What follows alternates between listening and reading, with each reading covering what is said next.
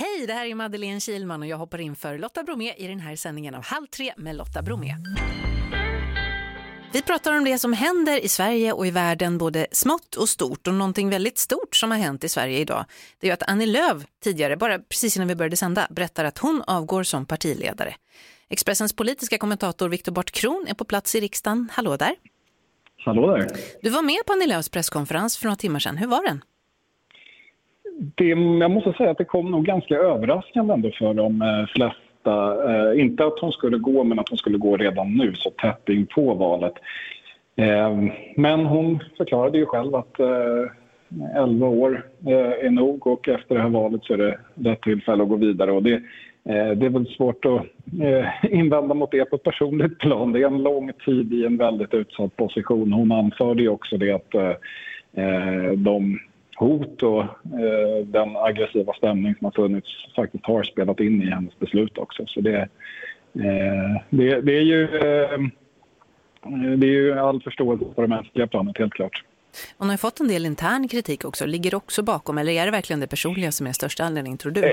Nej, men naturligtvis är det ju så att Centerpartiet är valets stora förlorare. Eh, man tappar eh, mest av alla riksdagspartier och eh, eh, tappar ju också möjligheten att påverka den regering som nu ska tillträda. Det var, eh, man har under ganska lång tid varit tungan på vågen i riksdagen och kunnat ja, egentligen avgöra vem som ska få styra Sverige trots att man själva inte har varit ett jättestort parti. Men i och med att högersidan nu vinner valet och där är inte Centerpartiet med, nej då blir man ett vanligt oppositionsparti i mängden och man går som sagt tillbaka och då, då blir det missnöjt i ett parti. Och då eh, istället för att stanna kvar och ta den kampen då i motvind, även om jag tror att Annie Lööf skulle haft ganska goda chanser att vinna en strid internt om hon hade tagit den så, så väljer hon att kliva åt sidan nu då. Hon har ju som du sa varit partiledare i 11 år och du skrev ju skämtsamt på Twitter att det känns som att min barndom tog slut när Jan Björklund lämnade, nu är väl även tonåren över.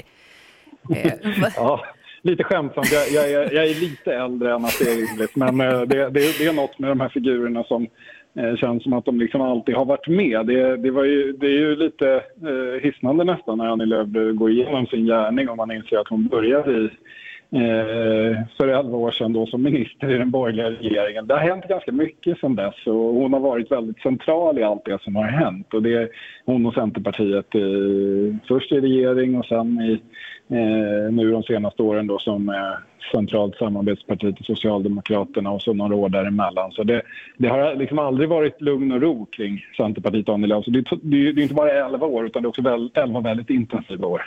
Vad har hon gjort för avtryck i politiken då? Väldigt stora skulle jag säga, även om de nu riskerar att suddas ut. Och det är väl det som är eh, utfallet av det här valet. Att Annie Lööf har ju i någon mening och Centerpartiet har ju burit vidare det gamla eh, alliansprojektet, arvet från Fredrik Reinfeldts tiden. Eh, väldigt liberala borgerligheten som pratar väldigt mycket om arbetsmarknadsreformer och företagande och inte så mycket om eh, kriminalitet och invandring och integration och så kanske som har varit ett tema de senaste åren. Eh, det och det väldigt eh, eh väldigt markerade motståndet mot alla former av inflytande på Sverigedemokraterna. Det var ju också någonting som Fredrik Reinfeldt då, som statsminister var väldigt eh, brann för. Eh, men det är Annie Lööf som har tagit det vidare och försökt få den här idén om att eh, göra upp om politiken i mitten istället för ytterkanterna att leva vidare. Men hon har varit väldigt ensam om det de senaste åren i politiken. Det har varit eh, eh övriga sju partier har ordnat in sig i ett slags blockpolitik Centerpartiet försökte längst att inte göra det och blev ju högst motvilligt till slut. Eh, ett av Socialdemokraternas samarbetspartier då inför det här valet. Och, det var inte så hon hade hoppats att det skulle bli eh, och i och med att man inte heller kan behålla vågmästarställningen i riksdagen så är ju risken då att det eh, ja, nu, nu förlorar man ju sin möjlighet att, att blockera saker, att eh, diktera villkoren i politiken. Nu blir det ju med all sannolikhet en regering som samarbetar med Sverigedemokraterna. Så på så vis är ju, eh, är ju hennes roll utspelad. Viktor Bart Kron, Expressens politiska kommentator på plats i riksdagen. Tack snälla för att jag fick ringa dig. Ett poddtips från Podplay.